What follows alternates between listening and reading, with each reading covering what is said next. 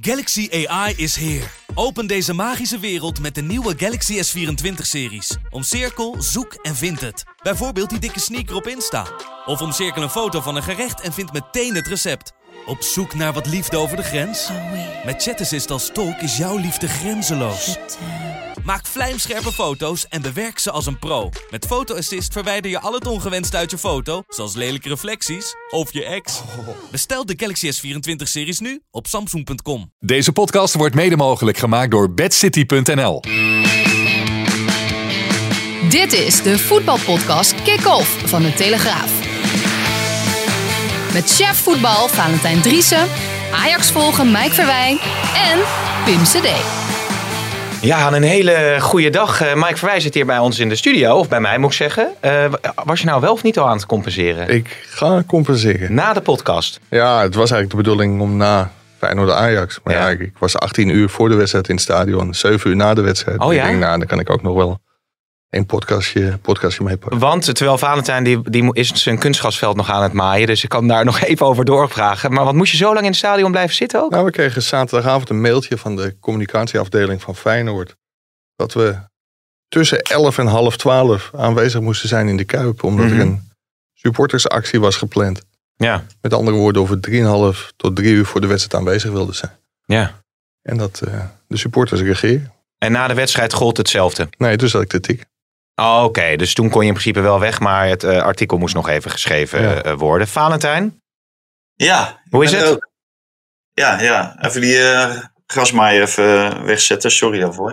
ja, nee, ja, dat snap ik, ja. Nee, alles, alles prima. Ja. Ik ben blij dat ik niet naar die wedstrijd ben gegaan. Gelukkig was het smullen. Niet alleen van, van, vanwege de lelijkheid van die wedstrijd, maar ook Nou. wat Mike zegt. Dat je daar gewoon drie uur van tevoren moet zijn. Ja. ja, ik vind het echt ongelooflijke strategische blunder ook van uh, Rotterdam, zeg maar. Uh, ook van Abu Talib. Die uh, scheelt nu moord en brand vanwege allerlei ellende. Die is er ontstaan. rond dat stadion. Maar dat viel natuurlijk te verwachten. En als hij gewoon een noodverkondiging of een noodverordening afkondigt. Ja. Dan, dan is er niets aan de hand. Dan, uh, dan, dan praat niemand ergens over. Dan wordt, het, uh, wordt iedereen gewoon die in de buurt verschijnt, wordt gewoon opgepakt. En nu heb je ook 67 arrestaties en een hoop trammeland ja. en ellende. En weet je wat mij zo opviel toen ik, die, toen ik die beelden ook zag? Van nou, het is allemaal uiteindelijk, uh, nou ja, redelijk goed afgelopen zou je kunnen zeggen. Hè? Het had erger kunnen aflopen. Maar dit is, dit is toch niet houdbaar? Ik bedoel, dat gaat een keer natuurlijk gruwelijk mis. Jij, jij appte vanuit het stadion volgens mij uh, nog een tweetje of iets kwam voorbij... waarin de, de, de, de groene uh, wolkpluimen ja, voor je langskwamen. Nee, dat was het meest absurde van alles. Toen was zeg maar, ik ook een beetje opgetrokken rond het stadion. En in een leeg stadion beslist Feyenoord toch om met een stel idiote knallen... Uh, groene rook en ja, of dat nou voor de journalisten was die hier waren... en die, die vier genodigden... Wat een onzin is dat zeg. Het was net voorbij buiten ja. het stadion. Toen dachten ze in het stadion nog even een beetje om de, om de boel op te pompen, zeg maar. Ja, ik denk het. Maar wat, wat ja, die Feyenoord... wij, wij, als, hm? wij als televisie, maar, maar, televisiekijkers hebben er ook niks van meegekregen. Dus voor ons had het, had het ook nee. niet gehoeven. Nee.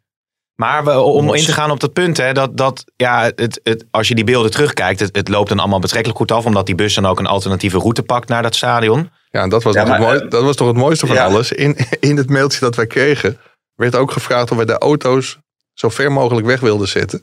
Maar ja, natuurlijk was al bekend dat die bus van Ajax om zou rijden. Maar toen die supporters van Feyenoord door hadden dat die bus omreed, nou, toen renden echt duizend man ongeveer richting onze auto's. Dus, uh, heeft, jouw, heeft jouw auto het overleefd? Nou, de Volkswagen overleeft weinig normaal gesproken. Maar dit, dit heeft hij overleefd. Ik, ik ben ja. vandaag gewoon in de motor gekomen. Ja, eenmaal Maar Even ja, ja, net wij zeggen, daar, daar hadden ze het bol toch dicht moeten zetten, Mike. Dat weet je toch van tevoren. Als je die bus daarheen laat rijden en je ziet vanaf het parkeerterrein kan je die bus zien. Die kan je er langs zien rijden. Dan weten ze natuurlijk al lang dat hij naar die zijkant gaat, naar die zijingang. Ja. ja. Dan, dan gooi je die boel toch dicht. Dan ga je daar toch met, uh, met uh, een peloton ME'ers staan. Maar ja. werkelijk maar. Ja. Wat een knulligheid, wat een knulligheid. En daar zijn ze dan weken mee bezig geweest. Ja. Om dit in goede banen te leiden. Ja, dat vraag je je dan bijna af, toch? Ja, iemand zei van als, als ze die bus gewoon 10 seconden eerder hadden gezien. Want ze stoven echt als idioten die kant op. Ja, dan, dan was er waarschijnlijk nog een uh, probleem geweest. Overigens wel heel erg mooi, want onze collega's van de NOS melden dat er zelfs een ster in de voorruit van de Ajax-bus zat. Maar die zat er al in. Dat was bij RKC uitgebeurd. Oh Ik- ja? Ja, die hebben, die hebben twee, twee supporters, geloof ik. Die hebben samen één stoeptegel opgetild. Ze hebben. Want- maar iedereen eh, spreekt er schande van. Maar er was één eh, speler die heeft ervan genoten. Hè? Ja, Dusan Tadic. Hè? Ja, die, die, die, die, die zegt: Ik ben wel wat bommen gewend. ja die, eh, die was Servië in 1999 gewend. Dus dit, dit vond hij eigenlijk wel leuk. Maar ja, indirect hebben de fans van Feyenoord Ajax natuurlijk wel op scherp gezet. Want die Tadic die vindt dit machtig. Dit geeft motivatie, dit geeft power. Dat was in de wedstrijd niet heel erg terug te zien. Maar ja, dit soort gasten geniet daarvan. Ik weet ook van André Onana. Ja, die vond het heerlijk om in een volle kuil, eh, kuip gewoon 90 minuten lang uitgescholden te worden. Ja, sommige spelers halen hier echt motivatie uit. En, Ja. en Tadic had hiervan genoten. Ja. En dan moet je uiteindelijk heel lang van tevoren in het stadion zijn. Laptopje openklappen. Gedoe eh, met de auto. Vrees dat je auto nog eh, niet eh, veilig thuis komt. En, maar dan ga je de klassiekers zien. En dan komt gelukkig alles goed. Hè? Want dan zie je in een wedstrijd. Nou, nou, nou Op, op mensen. een gegeven moment kwam het waterkanon. Dat was wel lekker, want ik was drie weken niet door de wasstraat geweest. En hij zag er weer keurig uit. Ja, maar het was natuurlijk echt. Het, het, ja, het, was, het was niet om aan te gluren, toch? Nee, echt verschrikkelijk. Maar Het leek, leek echt nergens op. Maar eh, ja, ik, ik denk toch dat het ook eh, de angst is om eh, niet te willen verliezen in die wedstrijd. Dat eh, dat, dat eh, de bovenhand had. Want als je, als je zag ook hoe Ajax, eh, hoe, hoe matig ze waren in balbezit. Terwijl er echt wel ruimtes waren om ook te voetballen. Ja, dan denk ik ook van ja, wil, wil je wel? En ehm, ja, die hebben de overwinning natuurlijk wel op deze manier heel goedkoop gekregen. Ja. En en Feyenoord was ook geen schim van het Feyenoord wat we de afgelopen tijd eh, gezien hebben. En ja, de, de verwachtingen waren hoog gespannen, maar da- daar is werkelijk helemaal niets van eh, naar buiten gekomen. Nee, en als je de coaches dan na afloop spreekt, dan hoor je ook wel veel positieve geluiden. Hè. Slot heeft toch heel veel goeds gezien, met name ook in de tweede helft. Ten Hag zegt, we hebben die wedstrijd eh, gecontroleerd. Er waren niet echt de wanklanken vanuit de coaches. nee, bij Feyenoord had je de dag voor de wedstrijd altijd het idee... dat was de persconferentie of op vrijdag van, van Arne Slot. Er was nog geen ploeg gelijkwaardig geweest aan Ajax dit seizoen. Ja, en dat leek wel zijn uitgangspunt. Als je Guus Til zag, die was alleen maar de weg aan het afsnijden naar Edson Alvarez. Nou, hoef je volgens mij niet heel veel zorgen te maken als Edson Alvarez wel in balbezit komt. Mm. Maar ja, die, die Guus Til heeft zelf helemaal niks gedaan. Het was, de strategie van Feyenoord was puur gericht op Ajax, om Ajax niet aan het voetballen te laten komen. En achteraf te kunnen zeggen, we waren gelijkwaardig. Nou ja, gefeliciteerd. Want uiteindelijk staat er gewoon 0-2 op het Ja, maar blijkbaar, eh, Valentijn, lukt het dan Ajax ook niet om, eh, om dan wel eh, daar overheen te knallen. Nee, nee, zeker niet. Maar kijk, voor trainers is het makkelijkste is gewoon een organisatie neerzetten. En en het, vo- het voetbal onmogelijk, de tegenstander onmogelijk maken. Maar wat trainers natuurlijk vaak niet kunnen, is zeg maar ook aanvallend eh, bepaalde patronen in, eh, inslijpen. Eh, of eh, eh, creatieve spelers optimaal laten renderen. Waardoor zij het verschil kunnen maken. Hè. Het, een, een organisatie neerzetten, een bepaald systeem bij de hand nemen. En dan kijken wat kan de tegenstander, waar liggen de sterke punten van de tegenstander en waar de zwakke punten. Nou, die sterke punten die worden eruit gehaald, maar het benutten, zeg maar, of het profiteren van de zwakke punten, ja, dat, dat is er gewoon weinig bij. En ik begrijp wel dat dat heel moeilijk is. Eh, sommige trainers zeggen ook gewoon van, eh, nou zorg gewoon dat die eh, de beste drie aanvallers de bal krijgen. En dan moeten die het maar uitzoeken. En dat is natuurlijk wel heel makkelijk eh, gezegd. Maar er- zit voor de rest zat er heel weinig strategie achter. Terwijl ik dat van Ajax heb gezien in de, in de Champions League en van Feyenoord in de Conference League en ook in de competitie. En daarom viel het mij zo verschrikkelijk tegen. Ja, ja, En Dan, dan denk ik wel, ik, ik stelde die vraag na afloop aan Erik ten Hag van, snakken jullie naar de winterstop? En daar zei je, dat is altijd als wij een vraag stellen, het antwoord is standaard nee. Ehm, dus ook in, Oh, dit, ja. ook in dit geval was het nee. Maar je zag wel aan Ajax, Ajax loopt echt een beetje op zijn op zijn tandvlees. En ik denk dat die winterstop wel heel erg gelegen komt. Als je jonge jongens als Timber, die lag na, na een uur met kramp. Eh, Gravenberg vroeg uiteindelijk nog om een wissel. Ja. Maar Ajax kon niet meer wisselen, omdat ze al drie moment, wisselmomenten hadden gebruikt. Ja, Martinez die vloog er natuurlijk af. Wel heel erg zuur voor Ten Haag. Dat was de enige speler die wel tegen Barendrecht had gespeeld. Dus die, eh, Ja, die, zal dat een verband hebben, Mike. weet ik niet, weet ik niet. Maar het, is, Hmm. het is natuurlijk wel heel opvallend. De enige speler die die wedstrijd wel heeft gespeeld. En na 20 minuten afvliegt, eh, vliegt in Ja. de kuip. ja. En ja, ook Anthony heeft niet meer de frisheid. Die jongen die is uit de Olympische Spelen teruggekomen. Geweldig toernooi gehad, Olympisch kampioen geworden. In één ruk doorgegaan, inclusief de Champions League. Ja, en dat mag niet. Maar Ajax heeft eigenlijk tot deze wedstrijd behoudens Mascarui. Dat is een verhaal van vele seizoenen.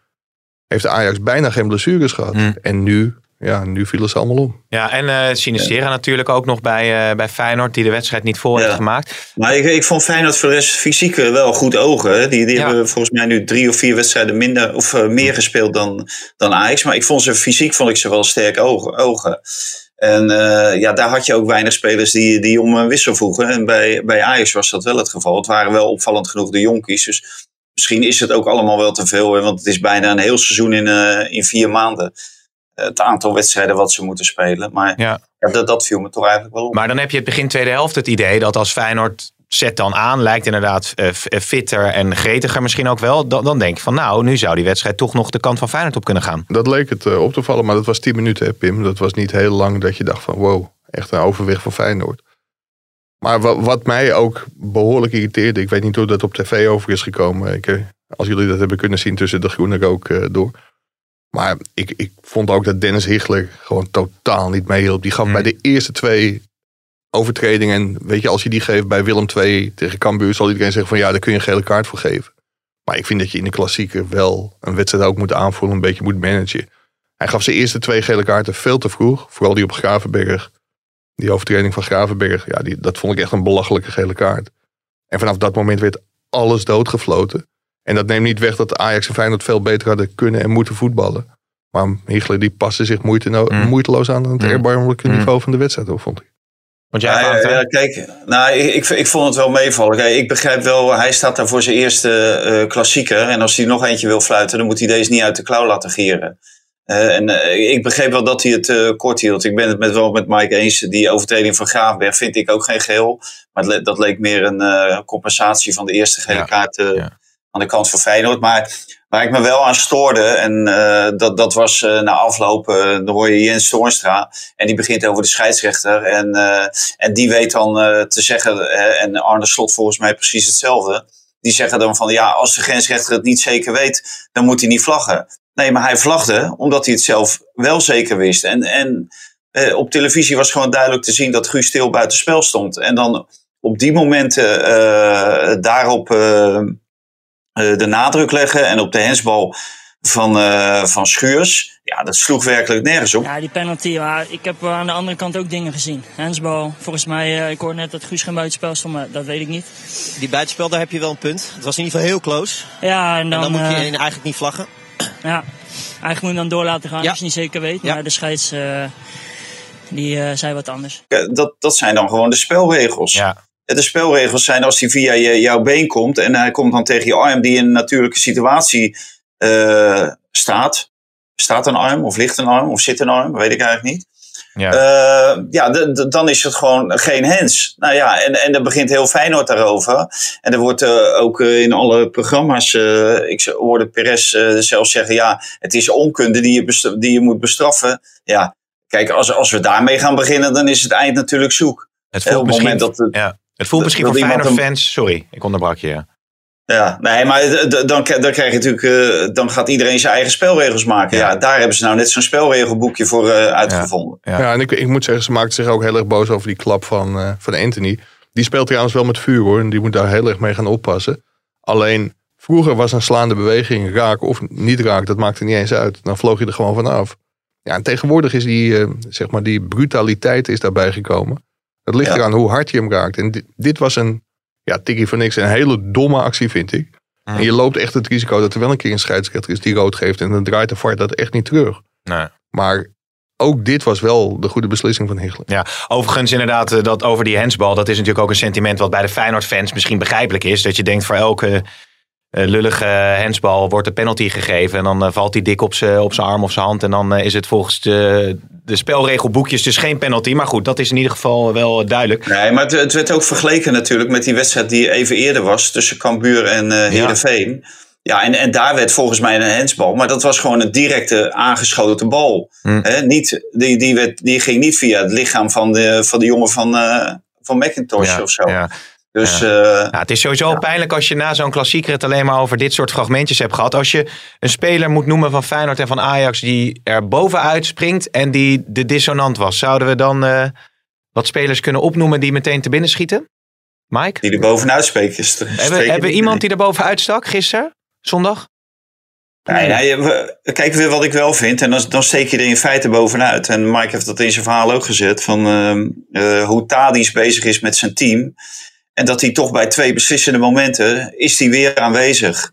hij geeft die voorzet waaruit eh, onze vriend eh Senesi. Senesi de bal totaal onnodig in zijn eigen goal schiet. En eh, hij is ja, loopzuiver bij die Ja. penalty natuurlijk. Want die schiet hij gewoon echt in het zijn. Die gaat gewoon letterlijk in het zijn. Dat is echt verschrikkelijk goed ingeschoten penalty. En, en Bijlo zat er aan die kant. En ik heb Bijlo ook aan die kant gezien in, eh, een jaar geleden in een eh, wedstrijd tegen Dortmund met Haaland. Die schoot daar ook eh, in die hoek. En die pakte, eh, pakte Bijlo. Maar deze had hij toch mooi niet. Dus eh, nee, die was gewoon echt geweldig ingeschoten. Ja, en dan steek je er voor mij toch bovenuit. Ja. Ja. Ik, ik vond bij, kijk, ik bedoel, je kunt er in, in zo'n korte invalbeurt niet heel erg bovenuit steken. Maar die, die van Rens, die had best wel een klap voor zijn kop gekregen door niet in de basis te staan. En dat legde Ten Hag ook uit en dat was volgens mij ook wel terecht. Want Rens is nog geen schim van de speler die hij vorig seizoen was als vervanger van Masraoui. Tegen aanzet was hij heel matig. Alleen, het is een logische reactie van een jonge jongen als je onzeker bent dat je op, ze- op zeker gaat. Maar op die positie bij Ajax wordt er juist verlangd dat je initiatief Ja. neemt. En, en die penalty komt dan voort uit zo'n moment waar Ten Hag afgelopen week heel veel beelden met Rens over heeft besproken. Ze hebben heel veel gepraat dat hij, ondanks dat hij niet lekker in zijn vel steekt, toch het initiatief moet blijven tonen. Gewoon in het strafschopgebied moet opduiken. En dat hij dan die penalty ja, verovert, zou je bijna zeggen. Ja. Ja, dat- is dan toch wel heel leuk om te zien. Is, is dat het, dat hij een moeilijke tijd heeft gehad, heeft dat gewoon te maken met het feit, jonge speler, heel snel gekomen, moet zich verder ontwikkelen of speelt daar meer op de achtergrond? Nou ja, dit is een beweging die je wel heel vaak bij jonge Ja. spelers ziet. Ja. Ze komen heel snel, maar om daar dan te blijven. Ja, als ze denken dat ze er al zijn, dan gaat het fout. En ik wil helemaal niet zeggen dat Rens dat dacht. Maar ja, iets zorgde ervoor dat hij niet de speler was van vorig seizoen. Nee, hij werd natuurlijk ook bejubeld door eh, Van Gaal zelfs eh, al op een hele jonge leeftijd. Eh, Valentijn, wil jij er nog eens verder iemand, iemand uitlichten? Nee, nou, wat Mike zegt over range. eh, ik vind het, de laatste wedstrijden vind ik dat ook wel een beetje bij Timber eh, te zien. En het, het is misschien ook wel het hele zware programma. En hij heeft ook een eh, EK achter de rug. Eh, daar heeft hij weliswaar heel weinig gespeeld, maar was er wel bij. Dus eh, ik, ik zie ook wel eh, dat die op dit moment ook een, eh, aan een mindere fase bezig is Hmm. dan daarvoor. Dus En bij die, die Feyenoord? zal er ook moeten werken. Ja, en bij Feyenoord is het natuurlijk Senesi. Dat is natuurlijk een dramatische ontwikkeling die die jongen doormaakt. Kijk, ik heb het nooit zo in hem gezien dat hij 20, 30 miljoen waard was hoor. Dat werd wel ge- gesuggereerd en zo. Maar ik heb dat aan- zowel aan de bal als eh, verdediger, eh, als in zijn verdedigende acties eh, niet gezien. Nee, En ja, de laatste tijd eh, is het helemaal dramatisch wat hij laat zien. ja, ja. Ik, Maar- ik, ik vond Per Schuurs bij Ajax ook wel... eh Schuurs doet geen gekke dingen. Maar ja, die wordt daar toch in de klassieker op, op het wedstrijdformulier gezet. En die speelde gewoon een hele degelijke wedstrijd. Vond, Ja, ik, ook, je- vond ik ook wel knap. Ja, weet je wat ik bij Schuurs dan wel een beetje het gevoel heb? Dat hij als het gaat over echt die... Hij kan natuurlijk die pressie naar voren ook geven. Maar ik heb ook het idee dat hij natuurlijk misschien logisch... doordat hij het vertrouwen niet heeft dat hij elke wedstrijd speelt... dat, dat hij af en toe dat balletje dan drie keer raakt en teruggeeft op pasveer. Ja, en dat, dat je, wa- wa- wat me wel maatloos... eh, zeg maar, eh, Martinez heeft daar ook een handje van. Dat is, als in balbezit zijn... eh, De, de voet op de bal zetten en dan even over die bal heen kijken. Nou, het is zo gigantisch vertragend. En dat deed Schuurs nu ook. Dan denk ik, ja, stop dan mee. Waarmee een afjagend Feyenoord ook weer natuurlijk de kansen geeft om misschien wel druk te geven en die bal te veroveren. Ja, maar ik, ik, ik wilde eigenlijk vooral het over de degelijkheid van Schuurs hebben. Hij wordt erin gezet, moet er staan, staat er. En ik zie ook dat hij ja, 40 ballen terug heeft op Pasveer en, en 35 op Martinez. En dat hij heel veel op zeker speelt. Ja. Maar puur verdedigend was het, eh, was het prima. Jongens, we gaan even naar eh, Den Stellingen. Dit was mijn slechtste klassieker ooit. Nou, ik, vond wel een, go- ik vond het wel een goed verhaal dat ik had. Of bedoelde je dat niet? eh? ja, maar nee. Maar Ah, nee. die, die ik ooit gezien heb. Ja? Eens. Echt? Jij ook, Fountain? Ja, ja, eens. Oké. Ja. Matthijs de Ligt die vertrekt in de winter of na dit seizoen bij Juventus. Ja, wat is nou? Dit is of-of. Ja. Eh, oneens Eens. eens. Eens? Oké. Eh, Jullie, jullie denken dat hij in de zomer vertrekt bij Juventus? ja, maar Ja, kijk even naar de volgende. Dit is of-of. Wat Ja. vroeg je dan? Ja, in, in, in de winterstop of in de zomer. Oh, ja. in, de winter, in de winterstop oneens. In de, wa- waar is Hein als je hem nodig hebt? Dat, zijn, dat waren tenminste duidelijke stellingen. Oh Ik, ik vraag zo nog even aan producer Hein of hij even die vijf sterren klaar wil zetten. Dat gaat hij nu doen. Volgende punt. Dus jullie denken dat hij in de zomer vertrekt bij, eh, bij Juventus. Eh, winterkampioen PSV wordt ook uiteindelijk kampioen. Oneens. Oneens. Vitesse wint de Conference League.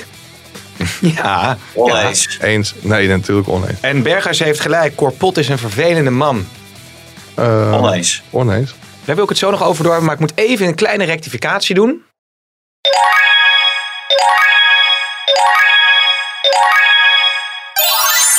Ja, wij dus vrijdag met al die sterrenwerk, omdat eh, onze grote adjunct hoofdredacteur, nou ja, figuurlijk grote adjunct hoofdredacteur Kamal Noula zei van nou, op Spotify kun je ook tegenwoordig raten.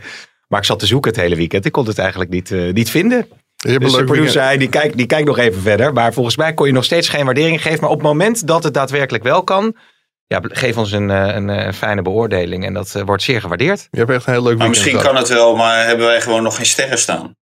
Ja, dat zou natuurlijk ook kunnen, ja. Nou ja, goed. Ik dacht, ik meld het even voor de mensen die misschien het niet eh, konden doorgeven. Ik zie nu van producer Hein dat het wel kan, as we speak. En producer Hein, die geeft nu gewoon vijf sterren aan de podcast Kick-Off Eredivisie. Is dit de eerste, eh, Hein, die we binnenkrijgen? Oh, ik eh, krijg dat nu live in beeld, jongens. Dat gebeurt allemaal. 4,7 sterren uit 120. Nou, dat is toch schitterend. zeg. Ja, maar dit... We- Weet je ik, wanneer... heb dat, ik heb dat helemaal gemist dit weekend, joh. Nee, maar dat is lekker. Of vanaf het moment dat jij in Dubai zat, kon je sterren geven. Ja. We staan nu nog op 4,7. Dat zou ik trouwens, mag ik nog één anekdote? Ja, ik weet dat het niet door iedereen gewaardeerd wordt, maar nog één anekdote geven. Ik zat dus die klassieker thuis eh, te kijken en mijn vrouw die had een, eh, een stoel verkocht op Marktplaats. Dus die zegt tegen mij eh, of ik die stoel even naar de pijp wilde brengen. Want ze had dus ook geregeld dat we die stoel in de auto moesten laden. Bij de pijp moesten afgeven. En dat hij daar vier hoog door het appartementencomplex naar boven moest. Toen heb ik hem wel in de auto geladen. Heb ik uiteindelijk geweigerd dat die stoel naar de pijp ging. En hij was Wa- uiteindelijk te groot Pim. voor... We staan nu op 4,2 sterren. Eh, ga, ga door, ga door. Ja, nee, maar het gaat mij erom dat die klassieker wil ik gewoon kijken. En dan word je toch vaak nog even een beetje lastig gevallen door eh, deze of gene. Kun je Ja. beter in het stadion zitten. Nee, je, je had moeten Dus- hopen dat er nog vier stoelen weggebracht hadden moeten Ja, maar die stoel is dus uiteindelijk gewoon daar niet aangekomen. Omdat hij niet in het gangpad vast eh, past in de pijp. Dus die is weer teruggebracht. Maar wel het geld geïncasseerd. Het geld is nu geïncasseerd, 90 euro. Maar die stoel staat nu nog bij ons in de garage. Valentijn. En die moet, die moet de pijp nog in. Die moet de pijp nog in. Dus die heb ik, heb ik in, de, in de rust in de, in de auto geladen. En die staat nu nog steeds in de garage. Maar Maar, je, eh, maar hoe ging dat onderling tussen jullie dan? Dat jij, jij terug wilde naar die, voor die wedstrijd. En, Nou, eh, ik zei, ik wil, die stoel, ik wil die stoel wel in de, in de auto doen. Maar ik ga nu niet naar de pijp rijden. Dat ga ik niet doen, want ik moet me Nee, voorbereiden nee. op de podcast kick-off. Ja, maar Dus je hebt op de bank geslapen. Misschien dat we nog even vijf sterren kunnen geven voor deze anekdote, Hein. Oké. Ja. Oh, Hein is weer aan mijn stoelpoot aan het zagen. Dan gaan we kijken hoe scherp je bent, Hein. Laten we Nee, meteen nee, even... nog, oh, nog, nog één vraagje. Ja. Kun, kun je, ik kreeg van de week een appje, van het weekend een appje. Kun je ook op Spotify zien, klopt het dat Lodewijk Asscher in deze podcast inderdaad meer is genoemd dan de broer van Pim CD? Oh, dat is leuk. Dat gaan we even opzoeken. Nou, dat komt dan, eh, Werkt dat hij nog bij dan ERG of is hij al gestopt? Eh, Dat weet ik niet. Volgens mij is hij nu wel ongeveer gestopt, ja. ja, ja. Zullen we even naar Steven Berghuis eh, luisteren, jongens? Komt ie. Nou, het zit er nog steeds wel in. Gaat nooit weg, denk ik. Maar ja, vorig jaar verloren we natuurlijk vaker op een gegeven moment dan dat we wonnen. En zat er in de hele ploeg heel veel frustratie. Ook door een aantal mensen eh, die ook zich de laatste weken in de media hebben geroerd. Dan bedoel ik eigenlijk Corpot. Oh. Eh, die heeft het mij wel heel erg moeilijk gemaakt. Maar ehm, ja, ik wou het eigenlijk niet zeggen, maar ik doe het toch. Ja, zeer opvallend eh, was dit. Ja, ja, het is natuurlijk wel een verhaal dat je al wat vaker off the record hebt gehoord. Boterde totaal niet tussen die twee. Nee. En ik moet zeggen, er hebben zich wel meer mensen aan Corpot gestoord. Hij was ook degene die op basis van eh, één doelpunt, geloof ik, Prato eh, heeft geadviseerd om naar de Kuip te halen. Maar ja, ik, ik ken Cor als een eh, ontzettend leuke kerel. Ik heb hem ook meegemaakt tijdens de EK in 2013. Van Jong Oranje in, eh, in Israël. Aparte man, leuke man. Alleen, ja, bij Feyenoord botert het eh, duidelijk niet tussen Mhm. Steven Berghuis en, en Cor Nee. Maar als je dat uiteindelijk Nee, in zo'n interview zegt, dan, dan zit die frustratie dus echt heel diep. Ja, maar weet je wat, ik heb eh, die verhalen gelezen en eh, ik heb die podcast eh, geluisterd. Die was van VI, eh, waarin Cor Pot wat dingen zegt over Berghuis. Maar hij is, tegelijkertijd is hij ook eh, heel complimenteus voor Berghuis. Dat het wel iemand is die er echt alles aan doet en die iedereen wil meekrijgen. En die intern ook de waarheid durfde te zeggen. Ik, ik, ik begreep eigenlijk niet zo goed waarom eh, Berghuis eh, het nodig vond om dit te vertellen. Nou ja, maar als, als, als een oud assistenttrainer over je zegt dat je toch met je misschien gedrag, met de manier dat alles om je draait, voor, voor een, een vervelender sfeer zorgt binnen de selectie, dat is natuurlijk niet prettig om te horen. Nee, het is niet prettig om te horen, maar hij, hij zet ook wel eh, een paar eh, positieve kanttekeningen bij, dat, eh, bij eh, Berghuis. En ja, dat heeft Berghuis waarschijnlijk eh, of niet gelezen of niet willen lezen. Hier, ik krijg nou, Bobby neemt afscheid van Leipzig. Oh, oké. Nou, Daar gaan we... Mike, was je toch zeker de eerste? En volgens mij was hij gisteravond al in Amsterdam. Oké. Dus dat, eh, dat, dat is gebeurd.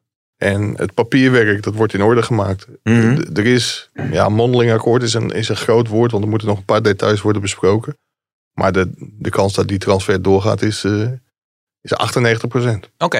Het is niet zoals bij eh Sulemana dat Nou hij ja, nu... eh, ik, eh, misschien moet Hein vast een jingle maken. Komt hij wel, komt hij niet. ja. Maar ik, ik, ja, we hebben het natuurlijk al een hele tijd geleden geroepen. Die jongen wilde zo graag terug. En dat besef is nu ook doorgedrongen bij Leipzig dat hij echt niet wil blijven. Ja, wat moet je met een speler die met de, met de ziel onder zijn arm loopt? Ja, het is natuurlijk wel Ja. zo dat als je kijkt naar hoe dat bij Ajax ging met bijtekenen, niet bijtekenen, vertrekken, naar Leipzig, dan nu weer terug willen. Het is natuurlijk blijkbaar dus een speler die nogal weerbarstig is. Ja, en zich heel erg, Of zijn erg heeft laten leiden door zijn manager. Ja. Wat, wat wel heel erg meespeelt, en, en dat pleit wel ook voor Fortes Rodriguez en Mino Raiola, die gisteren uitgebreid in beeld was eh, bij onze collega's van de NOS. Bij Ik Ja, precies. Bij Leipzig waren ze eh, met een project bezig. Had je natuurlijk Nagelsman. ehm, ja, een trainer gaat naar Bayern München. Technisch directeur vertrekt. En dan moet je nog beginnen als jonge jongen uit Amsterdam. eh, Mhm. en, en dan zit je in, in een van de meest verschrikkelijke steden van Duitsland. Ja, dat, dat is gewoon nooit een succes geworden. Nee. En ja, weinig gespeeld. Een paar invalbeurtjes, minuten. En dan kom je bij Jong Oranje. Dan hoor je ook verhalen van andere spelers. Ja, hij wilde echt op zijn knietjes terug naar Amsterdam. Ja. Ja. En hopen dat hij, eh, elke jonge, jonge jongen is gebaat bij heel veel minuten. Dus hopen dat hij die gaat krijgen. ja, die krijgt hij natuurlijk eh, sowieso in de komende periode wel natuurlijk over gehad. Ja, als de Afrika Cup doorgaat. Als die niet doorgaat, dan, eh, dan zal Haller gewoon spelen. Ja, ja. In eerste instantie, denk ik. Ik zit nog even te zoeken. Is Leipzig zo'n verschrikkelijke stad? Ligt in Oost-Duitsland. Een beetje tegen Tsjechië, Pola. Maar dat, dat, het is daar niet goed toe. ja, en ik zit te kijken. Ja, je bent er heel stellig over. Misschien is Leipzig wel ontzettend charmant.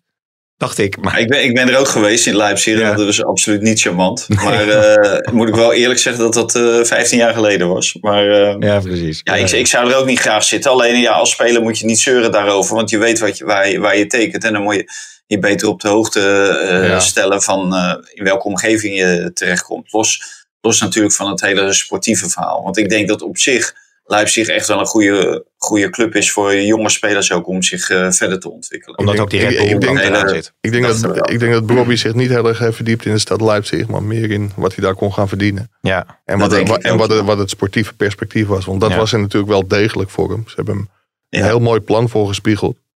Alleen ja, als dan... Hij, hij moet echt dolblij zijn dat, hij, eh, dat Ajax zo ver wil gaan om hem terug te halen. Want eh, dit is echt een van de uitzonderingen van iemand die gratis de deur uitloopt en waarvoor, waarvoor ze vervolgens gaan betalen om hem eh, Ja. terug te halen. Want is Nou, we, we, we hebben Overmars daar ook wel over gesproken. We hebben tussen kerst en oud en nieuw een mooi interview met eh, Overmars en Ten Hag samen. Mhm. Ehm, ja, en Overmars vindt Bobby gewoon een heel grappig ventje. Goeie jongen. Ja, en, en dat speelt mee. Want als jij echt een draak van een joch bent, dan zeggen ze echt van, eh, ja, jij hebt ervoor gekozen om naar het buitenland te gaan, zoek het uit. Maar bij Ajax, iedereen houdt van Bobby. Grote glimlach.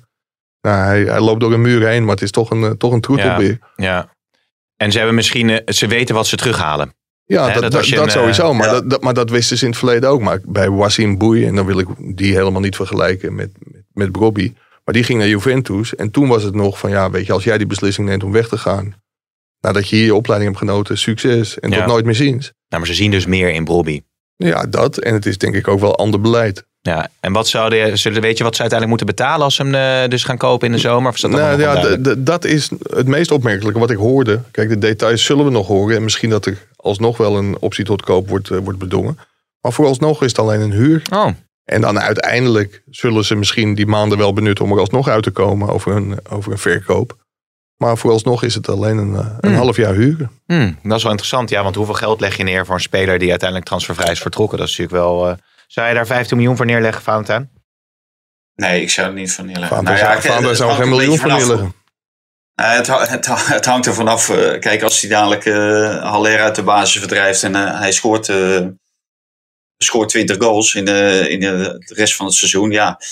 En dan ben je gek als je hem voor 15 miljoen kan krijgen en niet koopt. Maar Ja. anders, Ik, zou, ik zou wel kijken naar het vervolgtraject en eh, kijken of je daar ook eh, qua investering, of je daar wel wat geld voor terug kan krijgen. Maar ja, dat, dat is in feite natuurlijk wel te laat hè, als hij 15 keer scoort. En daarom snap ik niet dat, Ja, Overmars, ja, dat, ja. dat, dat Overmars niet nu voor, Ja. voor, voor 5 of 10 miljoen Ja. een optie tot koop bedingt.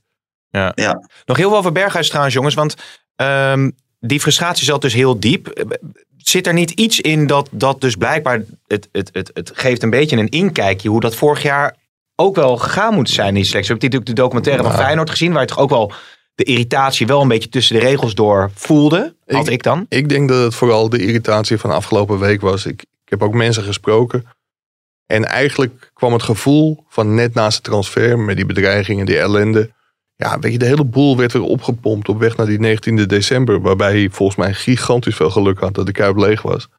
Want ik, eh, ik denk als je die idioten in de, op dat plein voor het stadion ziet. Ja, die had je echt niet in de Kuip willen hebben. Nee. Want daar, daar sprak zoveel agressiviteit uit. Dat was echt.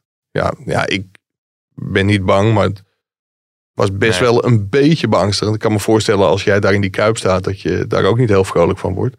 Maar ik denk dat Berghuis, en dat zag je ook aan zijn spel, dat hij gewoon echt totaal zichzelf niet Nee. was. En na afloop had hij dit gewoon beter niet kunnen zeggen. Maar hij, hij zei ook na afloop in, inderdaad in dat interview. Overigens was dat fragment van, van ESPN, hè, wat we net eh, lieten horen. Eh, ik wil graag de mensen bedanken die dit allemaal mogelijk hebben gemaakt. Toen noemde hij ook specifiek bijvoorbeeld de politie. Hè. Dus dat, dat geeft natuurlijk ook wel aan dat daar wel meer is geweest dan wij misschien weten. Ik weet dat er afgelopen week een, een topoverleg is geweest tussen de politie in Amsterdam, Rotterdam. De beveiliging van Feyenoord en de beveiliging van Ajax. Ja, en ook de beveiliging van Feyenoord kreeg, Ja. een, eh, kreeg een heel groot compliment. Daar was hij echt dankbaar voor. Ja, dat is wel, eh, ja, dat is wel heel... eh Triest dat het allemaal moet ge- gebeuren. Ja, is dat het ik moet gebeuren. Jongens, we, we, we, hebben straks volgens mij ook nog de AZ-podcast hierachter. Dus we gaan een beetje in de hogere versnelling. Ja, ik heb nog drie minuten. Oké, James Last, komt-ie. Brian Linsen wachten we. Jane- James Last, komt ie. Ja, precies. Want ik wilde heel even nog eh, Matthijs Licht erbij halen. Ehm Rayola heeft het ook gezegd. Hè, van, ik kan me wel voorstellen dat hij dus naar een andere club eh, gaat. Eh, dat, dat lijkt dus reëel dat hij toch iets anders, ander pad in zijn carrière wil bewandelen. Ja, dat eh, heeft hij volgens mij ook in een eerder interview. Jij doelt op een interview in, in de NXC afgelopen weekend met Rayola, waarin hij dat aangaf. Ja, ik, ik denk het wel. Alleen volgens mij is Matthijs Ligt wel vrij duur. En of er nu Engelse clubs in deze coronatijd staan te trappelen. Eh, Rayola had het ook over Barcelona, wat Ja. altijd heel interessant bleek, bleef. Eh, Real Madrid. Ik denk dat Juventus hem niet voor heel weinig laat gaan. Want op tv zei Rayola gisteren, eh, gisteren ook van... En hij kan natuurlijk ook blijven. Ja, dan hou je dus echt alles open. Maar- ik denk dat de licht diep in zijn hart wel wil vertrekken uit, Ja. Ja, en als je het over Barcelona hebt, Valentijn. Ik geloof dat Frenkie de Jong een 2 kreeg. Twee? Ja, van de buitenlandse pers. Op. Buitenlandse media. Op Buitenlandse vijf. media. Nou, of, Of of van de of op, zelfs eh, eh, wellicht. Maar hij schijnt eh, zeer... eh, ja, Xavi probeerde hem nog wel te verdedigen. Maar het was in ieder geval soeps. Nee, nee het, het, het zag er niet uit. Nee. Het, het leek wel of hij een vreemde was. eh, en dat hij zijn medespelers bijna nog nooit gezien had. Nee. Je, je ziet wel eh, langzamerhand dat er wel steeds meer jeugdspelers. Hè. Hij had nu iemand uit Barça B. Eh, het waren ook toevallig of niet toevallig, maar stonden geloof ik zeven zelfopgeleide spelers in. Waarvan eh, drie scoorden. Ja, ik, ik vind toch dat, eh dat Frenkie de Jong wel eh, het niveau heeft van Barcelona. En ook het, denk ik, dat hij kan invullen wat Xavi graag wil als speler. Maar op dit moment komt dat er niet bepaald uit, nee. Nee, nee, nee, precies. Nou Ja, afwachten hoe dat dan allemaal verder gaat. Want die spelers zijn natuurlijk enorm belangrijk, ook voor het Nederlands elftal. Dus hopen dat zij snel belangrijk kunnen zijn voor een, voor een mooie club.